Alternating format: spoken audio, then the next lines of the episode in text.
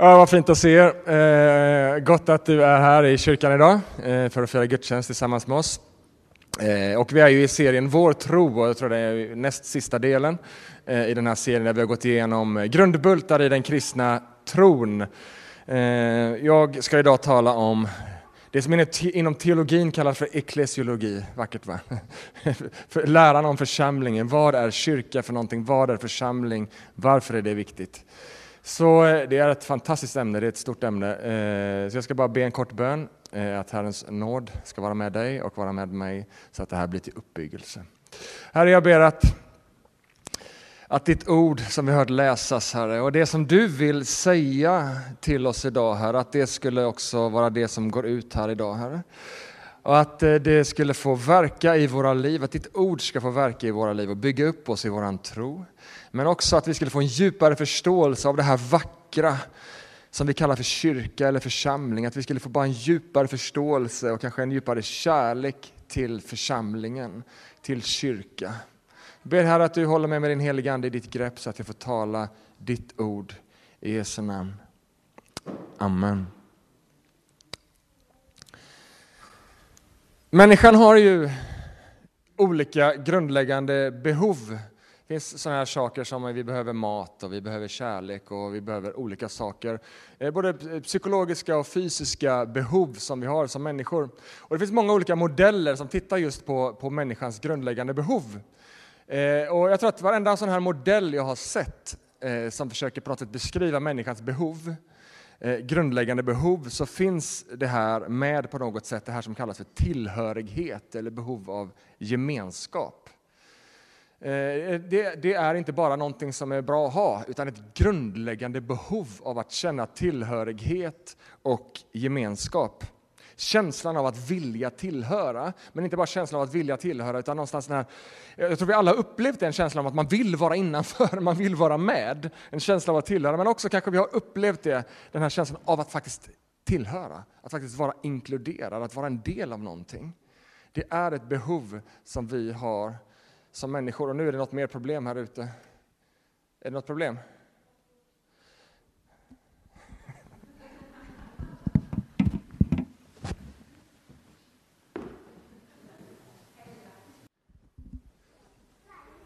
Det är så här det är.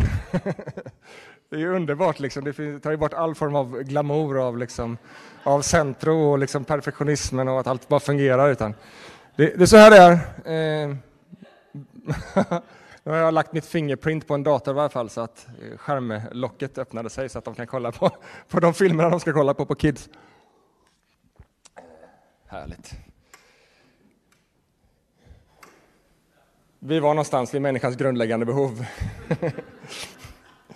Eh, och det vi ska tala om idag är egentligen det som vi bekänt eh, mycket, eller som vi bekänt, som, vi, som, vi, som trosbekännelsen uttrycker, som vi tror på, en helig allmännelig kyrka det heliga samfund. Det är liksom smaka på det. det. det. finns någonting här kring kyrka. Det är liksom inte bara vi tror på kyrka, utan när man ska uttrycka det så tar man till mer ord, därför att det finns någonting mer, ett mysterium, någonting vackert kring detta vi kallar för kyrka. En helig, allmännelig kyrka, det heligas samfund. Jag vet inte vad du har för bild av kyrka. Man kan tänka på väldigt många olika saker när man tänker på kyrka. Eh, och eh, du kanske tänker på, jag vet inte vad du tänker på, men man skulle kunna tänka på en byggnad.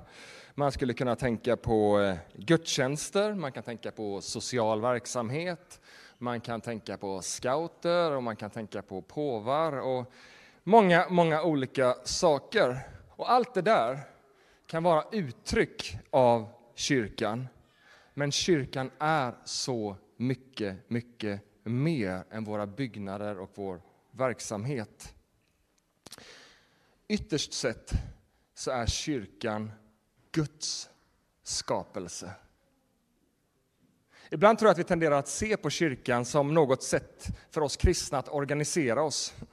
Att få lite koll på läget liksom och att ja, men det måste vi göra, annars vet vi inte vad som händer med människor. Vi måste organisera oss på något sätt och vi måste ha liksom verksamhet.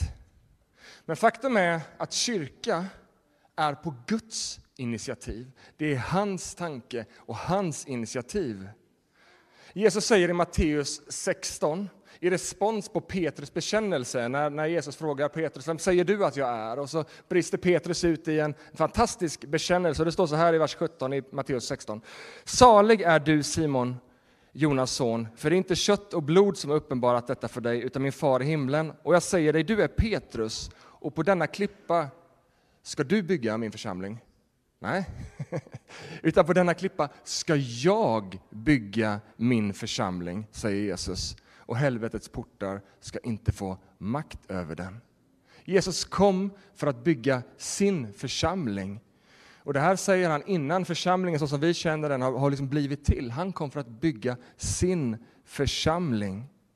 Och jag tror att redan här så förändras lite vår bild av vad kyrka är. Och vi kanske inte tänker lika mycket på de olika verksamheterna och sådana här saker, utan vi börjar se att det finns något mer här. Kyrka är inte våra goda intentioner att göra någonting bra. Kyrka är inte heller vad som helst, bara att vi hänger upp ett kors på väggen så är det kyrka. Utan det finns någonting mer i vad kyrka är för någonting.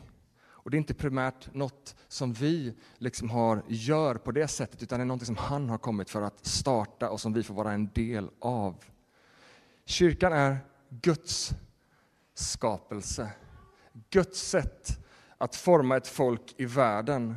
Guds sätt att utbreda sitt rike och låta sin vilja ske i världen. Hur då? Jo, genom ett folk som följer honom. Kyrka, församlingen. Det absolut vanligaste ordet i Nya testamentet för kyrka och som också är det som används i den här Matteustexten, att han kom för att bygga sin kyrka. Det är ordet eklesia. Och eklesia är ett ord som, eh, som finns liksom i, i, i, antiken, eh, som handlar om eh, en folksamling. Man samlar, alltså alla typer av folksamlingar kunde vara en eklesia. Men det intressanta är också att det här eklesia-ordet är en sammansättning av två ord, ek och kaleo. Och Ek betyder ut ur och kaleo betyder att kalla. Nu tycker det blir lite språkkunskap här. och, och, men det, det, det, finns något intressant i det där. Att jag tror att det liksom inte bara är en slump att det är en folksamling, utan det finns en, en betydelse i ordet att kyrka är ett folk kallade ur något till något. Kyrka är en samling av människor, ja i, i begreppet vad det betyder. Men än mer är det ett folk kallade att ut ur världen, om du vill använda det begreppet, för att följa Jesus. Lite som när Jesus kallar sina lärjungar, så liksom kallar han kom och följ mig. Kyrkan är ett folk som är kallade att följa honom. Det blir en ändring i livet. Vi lever annorlunda, vi kallade ur någonting för att följa honom. Det är församlingen. Att följa honom, att formas av honom, att leva för honom. Och I Bibeln möter vi, man hade kunnat ha en lång serie om bara detta, vad är församling för någonting? Därför att Bibeln har så mycket olika bilder och begrepp och undervisning om kyrka. Och det finns många olika bilder, till exempel så talas det om en familj, om en kropp, om ett tempel, om man tänker på de här bilderna så målar de alla olika liksom, perspektiv och olika dimensioner av vad kyrka är. Men de har alla någonting gemensamt. En familj, en kropp, ett tempel, det är att de talar om tillhörighet. Man tillhör en kropp där lemmarna tillhör varandra. I en familj, man tillhör varandra. Ett tempel, stenar som relaterar till varandra i den bilden. Det är tillhörighet just det som varje människa inte bara längtar efter och behöver. Ytterst sett skulle jag vilja mena att kyrkan är Guds svar på människans längtan och behov av verklig tillhörighet och gemenskap. Det är en så vacker tanke när man tänker på det. Kyrka, en plats där olika hör samman. Där vi kommer som vi är. Vi kanske inte har massa andra saker gemensamt, men vi hör samman. Vi har tillhörighet. Du hittar tillhörighet och ett hem. Och man på den politiska agendan idag så finns det, talar man om diversity och mångfald. Det är ju väldigt populärt. Och när jag tänkte på det så insåg jag att kanske finns det ingenting, kanske finns det ingen plats på jorden som bättre representerar olikheter och mångfald än kyrkan. Enhet trots olika. Och jag, jag, jag, tänker att det där projektet som vi egentligen håller på med, liksom att det är egentligen omöjligt i sig. Men tack vare Gudfaktorn, tack vare att det är hans kyrka, så, så kan olika, vi kommer från helt olika intressen, helt olika, liksom, vi röstar på olika partier och vi vill massa olika saker, men någonting förenar oss. Det finns någonting, Gud själv i sin kyrka förenar oss i en enhet som är fantastisk.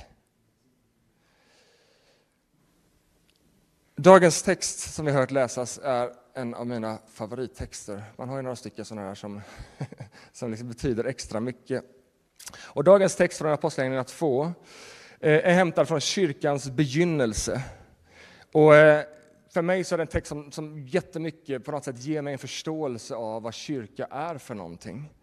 Och I den här texten så vill jag lyfta fram tre enkla perspektiv som talar om något om kyrkans väsen men också kyrkans uppdrag. Alltså tre olika perspektiv på vad kyrka är och vad kyrka är till för. Och jag tror att du kan komma ihåg de här för de är väldigt enkla. Det är inåt, nu ska vi få upp tre fingrar, inåt, utåt, inåt, utåt, uppåt. Det är de tre perspektiven utifrån texten som jag vill tala om idag. Inåt, något om kyrkans inre liv. Utåt, något om kyrkans uppdrag och uppåt, något om kyrkans tillbedjan. Inåt, om kyrkans inre liv. Som med allt som växer så behövs rötter. En planta som växer utan rötter, den välter, det fungerar inte. Så allt som växer behöver rötter för att kunna bära tillväxt. Och jag tänker så här kring kyrka, att kyrka får aldrig bli ett tomt skal där det liksom hänger en skylt, den kan vara hur stor som helst och hur vacker som helst och så liksom välkommen in. Wow, det ser ju jättebra ut. Och så kommer man in och så är det helt tomt. Där finns inget, inget liv. Kyrka är som bäst när det finns mer liv på dess insida än vad man vid första anblick kan se på dess utsida. Kyrkans inre liv mäts inte i mängden verksamheter eller i dess olika fantastiska program. Snarare tänker jag att man kan se kyrkans inre liv genom kraften i dess gemenskap. Man kan se det i liksom församlingens längtan efter Gud. Wow, här finns en längtan efter att uppleva vem Gud är. Och man kan se kyrkans inre liv i medlemmarnas kontakter i vardagen med människor eh, i, i, i liksom där man befinner sig. Snarare än i kyrkans olika verksamheter och program så ser vi det på andra parametrar om det finns ett liv som är på riktigt. Och när vi närmar oss dagens text i Apostlagärningarna 2 så kastas vi in i ett sammanhang där det är explosion i församlingstillväxt. Det händer verkligen grejer när man börjar läsa Apostlagärningarna. Och de kristna går från att räknas i hundratal till att börja räknas i tusental och det sker väldigt, väldigt plötsligt och dramatiskt. Och varje dag, står det, att nya människor kommer till tro. Och det låter ju underbart. Och så börjar jag som pastor börja tänka på, wow, vilket kaos. Hur i hela världen? Liksom här har man bara varit några stycken och man har träffats lite grann och man har följt Jesus lite, ja, men inte lite grann, men mycket. Men liksom det har liksom kanske inte behövt så mycket organisation och sådana här saker. Men plötsligt bara så exploderar församlingen och man behöver liksom ha organisation, man behöver liksom få ordning på saker. Och alla de här som kommer till tro ska införlämmas i ett församlingsliv. Därför att Jesus har ju kommit för att bygga sin kyrka. Och självklart måste det här ha varit en process. Det är inte så att bara saker fungerade perfekt från dag ett. Utan jag tror det var mycket av den heliga Andes ledning och en process som tog tid. Och jag tror att det finns mycket av Andens frukter såsom tålamod och allt möjligt för att liksom få ordning på det som skulle bli liksom den tidiga församlingen. Men redan tidigt så blir ett mönster tydligt. tydliga kännetecken för kyrkans inre liv. Så när Lukas, som har skrivit Apostlagärningarna, tittar på vad är det som händer här, så kan han skönja, inte bara skönja, utan det är tydligt för honom med fyra tydliga mönster för kyrkans liv. Och det står så här i 42, vers 42, kapitel 2, vers 42 som vi redan har läst. De höll troget fast vid, alltså de tidiga kristna, den första församlingen, de höll troget fast vid apostlarnas undervisning och vid gemenskapen, brödsbrytelsen och bönerna. Ibland kallas dessa kännetecken för kyrkans fyra pelare. Undervisningen, apostlarnas lära, undervisningen, gemenskapen, nattvarden och bönen. Fyra tydliga kännetecken för kyrkans inre liv. Och jag kan inte låta bli att tänka på vad som skulle skrivas om kyrkor idag om kyrkan idag. Om en journalist skulle skriva ett reportage om, om någon form av genomsnittskyrka i Sverige, vad är det för kännetecken som skulle vara synliga? Vad skulle skrivas? För Lukas var det tydligt. Det finns ingen tvekan i orden. Fyra distinkta kännetecken. Undervisningen, gemenskapen, nattvarden och bönerna.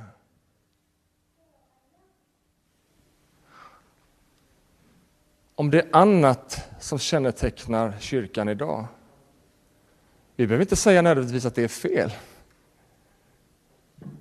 Men vi kan i varje fall säga att vi i så fall saknar likhet med den tidiga kyrka, kyrkan och dess förståelse av vad som var viktigt för att vara kyrka. Och jag tänker att då behöver vi också kunna motivera våra val om det är andra kännetecken som sticker ut. Jag är attraherad och jag hoppas det syns i den här församlingen av att bygga en kyrka som är lik den kyrka som beskrivs här.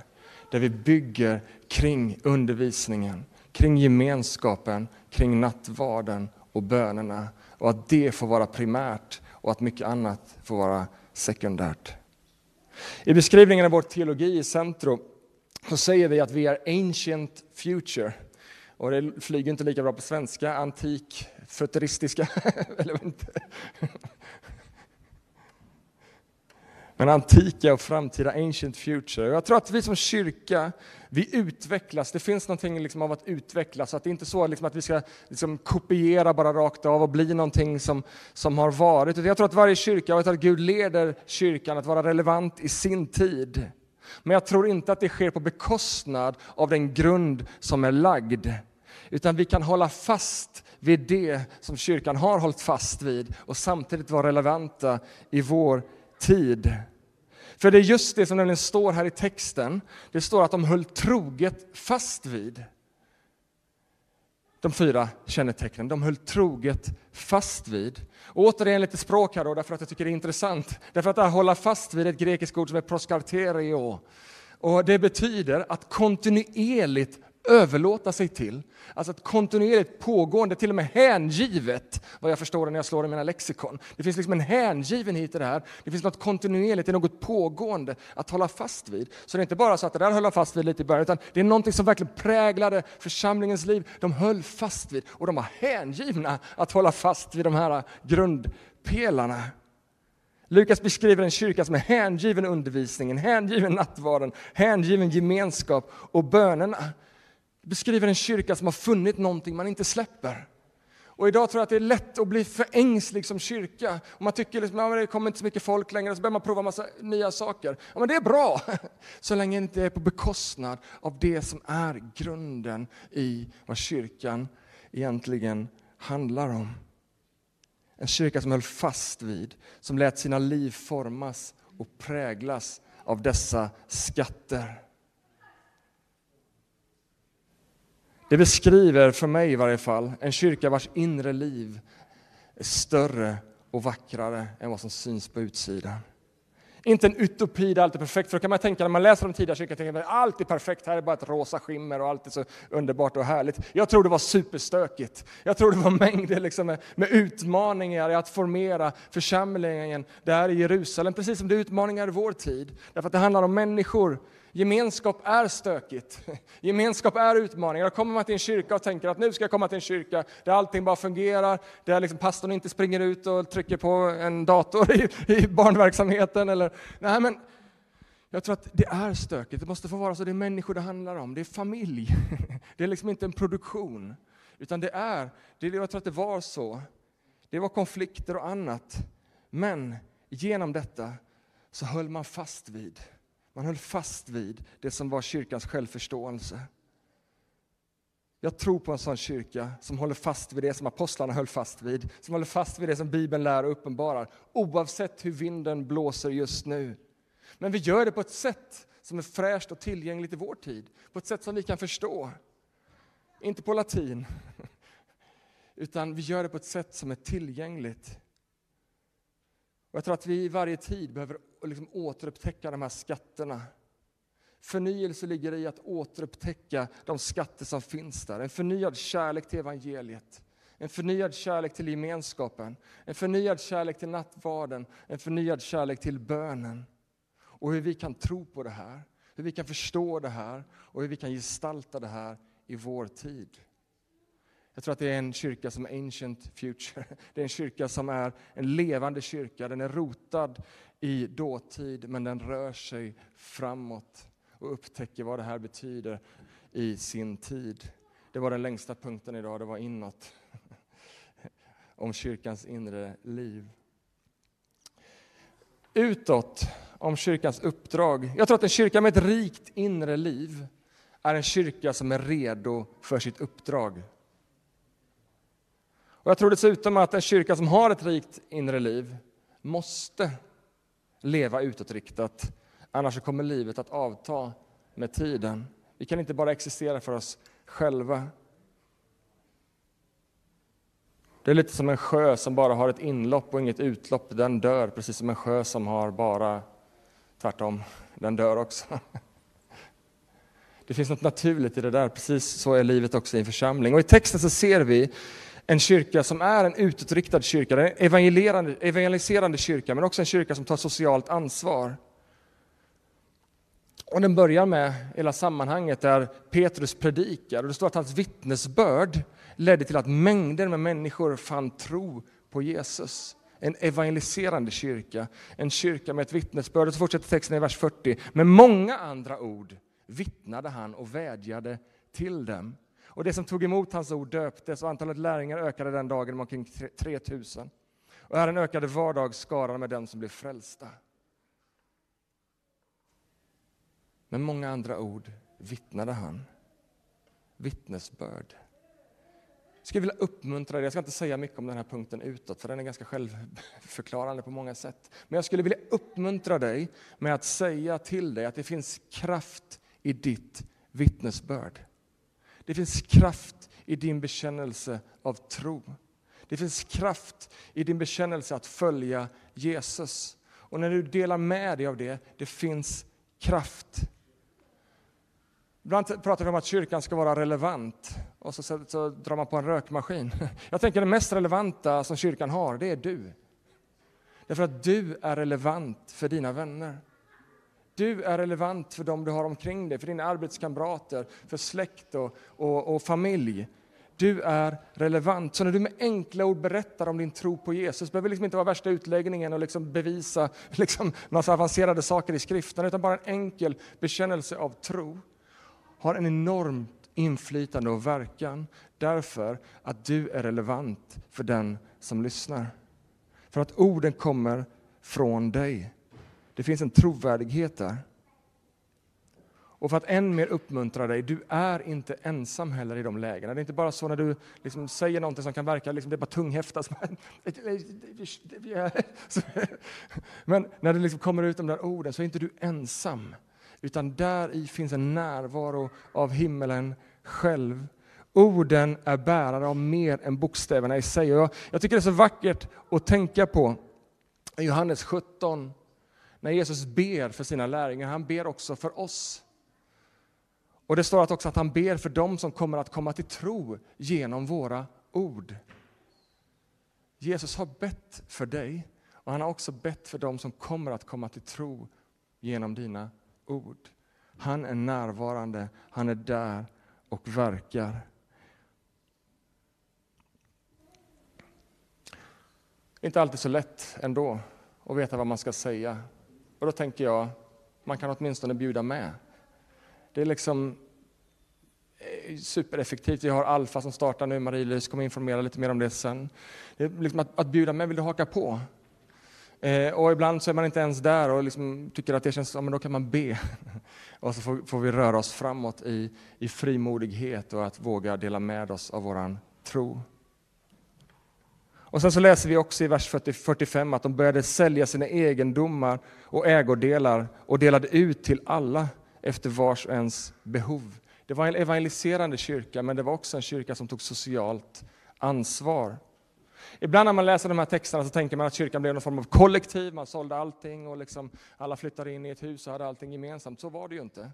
Utan det här tycker jag är än mer starkare därför att det talar om, om eh, det talar liksom om en, eh, en, en kultur, om en livsstil hur man levde sina liv. Det var en attityd, det var ett sätt att leva. Inte bara en tillfällig nyckel, att nu flyttar vi ihop och så lever vi i någon form av egendomsgemenskap. Utan det var ett sätt att leva där man kontinuerligt tog ansvar för varandra. Och var det någon som led brist, ja men då var det naturligt. Ja, men vi är ju familj, vi är ju kropp och de här olika bilderna. Så därför så tar vi ansvar för varandra. Generositet är ett praktiskt uttryck av gemenskap. Så utåt, en evangeliserande kyrka och en kyrka som tar socialt ansvar. Och med sista punkt, uppåt, om kyrkans tillbedjan. Vare sig kyrkans inre liv eller kyrkans uppdrag skulle vara möjligt om det inte vore för Guds närvaro i sin kyrka. Kyrkans uppåtperspektiv, att vi riktar vår blick uppåt, att vi ser på honom, gör hela skillnaden kraftdimensionen, Guds närvaro. I Gamla testamentet så läser vi om templet. Och i templet var platsen för Guds närvaro. Det var därför som människorna älskade templet. Jag gladdes när man säger till mig att vi ska gå till Herrens hus och i Saltaren. Man älskade platsen för Guds närvaro. I Nya testamentet och i vår tid så är inte templet en byggnad av sten utan en byggnad av människor församlingen. Kyrkan kan mötas i en byggnad, men människorna är templet, platsen för Guds närvaro, för Guds närhet. Därför som Jesus säger att det två eller tre är samlade i mitt namn, där är jag mitt ibland dem. Han har behag att vara i sin kyrka, bland den som tror. Det finns en kraft och en närvaro av Gud i sin kyrka som gör hela skillnaden. Och kyrkans inre liv och kyrkans uppdrag utåt kommer som en rörelse när vår blick är fäst på honom, när vi är riktade uppåt. Och kristna genom alla tider har med blicken uppåt gått ut och förändrat världen och sin samtid. Och det står att den tidiga församlingen att de höll fast vid bönerna. Varje dag var de troget och enigt tillsammans i templet och i hemmen bröt de bröd och delade måltid med varandra i jublande innerlig glädje. Och de prisade Gud och var omtyckta av folket. En kyrka utan tillbedjan, en kyrka utan uppåtperspektiv kommer ganska snart tror jag, förlora både sitt syfte och liksom, vad är det vi håller på med egentligen. Därför att det är där, hos honom, som vi finner vår identitet, som vi finner vårt sanna, vad är det, varför är vi kyrka, varför finns vi? Det är där vi finner kraften till det inre livet, att leva i gemenskap, att leva överlåtet varandra och, eh, på många olika sätt. Men det är också där vi finner rörelsen att dela med oss av våran tro.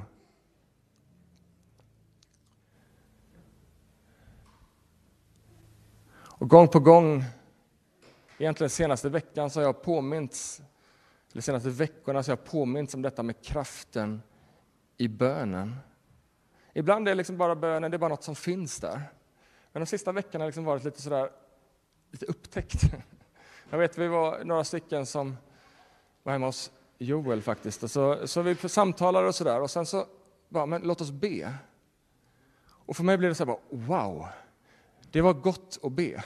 Eller det var gott att samtala. Men alltså när vi började be, det var något helt annat.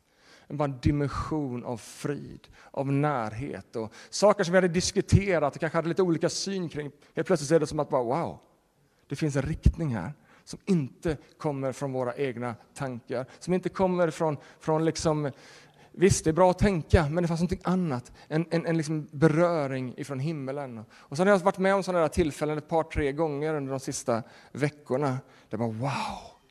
Vad är det här med bönen? Det är något fantastiskt i bönen. Ibland är det torrt, ibland är det bara ah, jag vet. Men det finns någonting i bönen som är så levande och verkligt och påtagligt. Och ibland får vi smaka på det. Hur bönen ger frid och trygghet. Hur bönen sätter saker i perspektiv. Hur bönen liksom löser olika låsningar som finns där. Hur bönen kommer med hopp. Hur bönen liksom öppnar möjligheter. Hur bönen ger liv. Hur bönen ger riktning. Och bara den här känslan av att ja, jag får lägga mina liv i dina händer. För mig sker det ofta i bönen. Kanske haft en jobbig dag på kvällen, bara få lägga sig i sängen och bara be en bön. Ja, mitt liv vilar ändå i goda, trygga händer.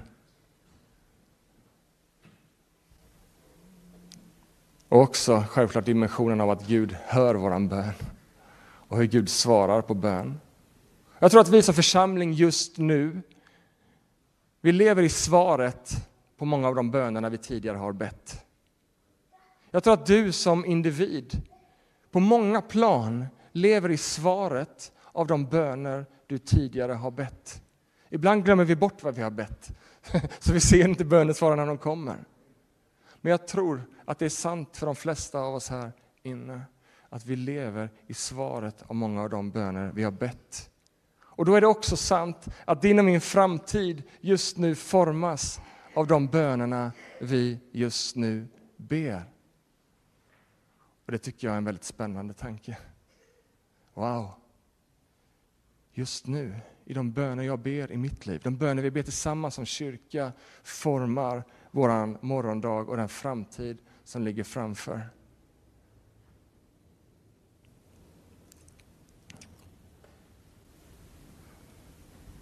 De höll fast vid bönerna.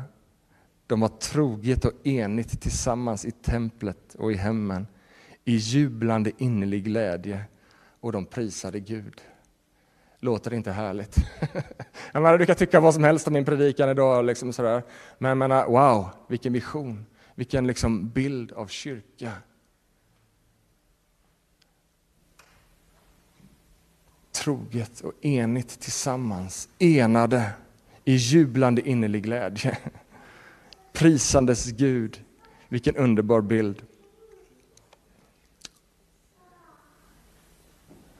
Det som också har slagit mig, jag ska bara avsluta med det, i läsningen av de här texterna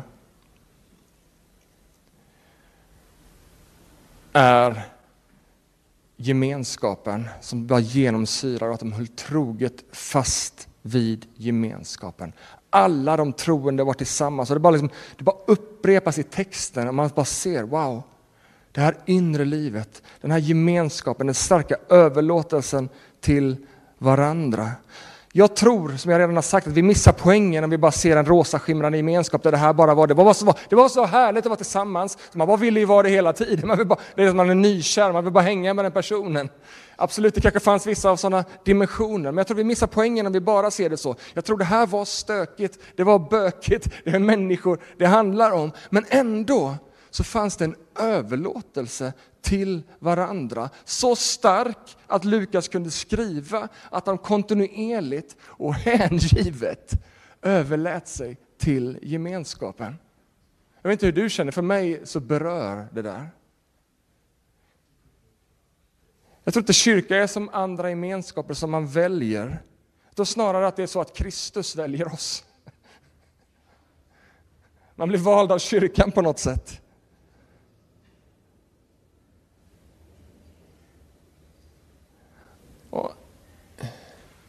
Skulle vilja utmana om det är så att du lite ser som kyrka som, ja, men det är som ett, nästan som ett café. Just nu går jag hit för de har bra kaffe här. Men jag kanske snarare kommer gå hit snart för de har bättre kanelbullar har jag hört. Och jag har några andra vänner som går hit bort för de, de har visst de här, de här eh, single origin-bönorna som är sjukt nice på, på, på droppkaffe. jag tror att vi missar fundamentalt poängen av vad kyrka är om vi har en sån attityd till vad kyrka är. Jag tror att ett sådant förhållningssätt riskerar att missa att gestalta något med tanken av vad kyrka är, något av det vackra, en familj, en kropp, ett tempel av levande stenar, där liksom varje sten har formats av Gud för att passa samman i hans tempelbygge. Överlåtna för varandra. Och inte bara för att du ska liksom stanna i den här kyrkan, det är klart jag vill. Men mer för Kristi kropp-tanken. Att gestalta den kyrka han kom för att bygga. Den han kom, Jesus Kristus kom för att ge sitt liv för. Det är en gemenskap där vi överlåter oss till varandra i kärlek för att vi är överlåtna honom. Inte exklusivt för varandra, utan en öppen gemenskap som når ut, som ser och utåt, som bjuder in, som är öppen för nya människor. Vilken spännande tanke, vilken spännande vision. Jag vet inte hur jag ska knyta ihop det här budskapet riktigt, men jag tror jag ska stanna här någonstans. Av liksom lite, du har med dig hela bilden av inåt, utåt, uppåt, men också den här liksom kanske förstärkta dimensionen av gemenskap och överlåtelse till varandra. Som inte bara handlar om att det är så himla kul och trevligt jämt, men som är liksom en överlåtelse som går djupare än så. Där vi vill ta oss igenom. Och finns det oegentligheter, ja men då söker vi vägar till försoning. Varför? Därför att det är kyrka. Det är inte som alla andra sammanhang, där vi bara lämnar för att det blir jobbigt. Nej, vi är familj, vi är en kropp, vi hänger samman. Ja, men då söker vi vägar till försoning, till närhet och till kärlek.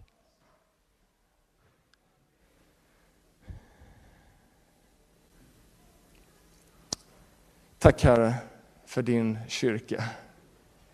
Tack Herre för att vi får vara en del av det som du Jesus kom för att bygga.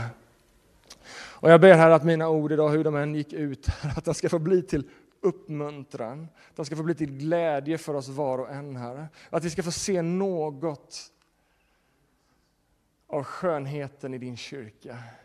Vi ska få se något mer av vad du har tänkt för din kyrka, Herre. Att du skulle utmana och uppmuntra oss att överlåta oss till ditt verk, Herre. Att vara med och gestalta det som är din kyrka i den här staden, Herre Jesus. Så att vi kan få vara den gemenskapen som återspeglar något av ditt rike, Herre, men som också, som också, som, som också når ut, Herre. Där människor kan få finna ett hem, där människor kan få finna en tillhörighet, Herre. I dig, Herre. I Jesu namn. Amen.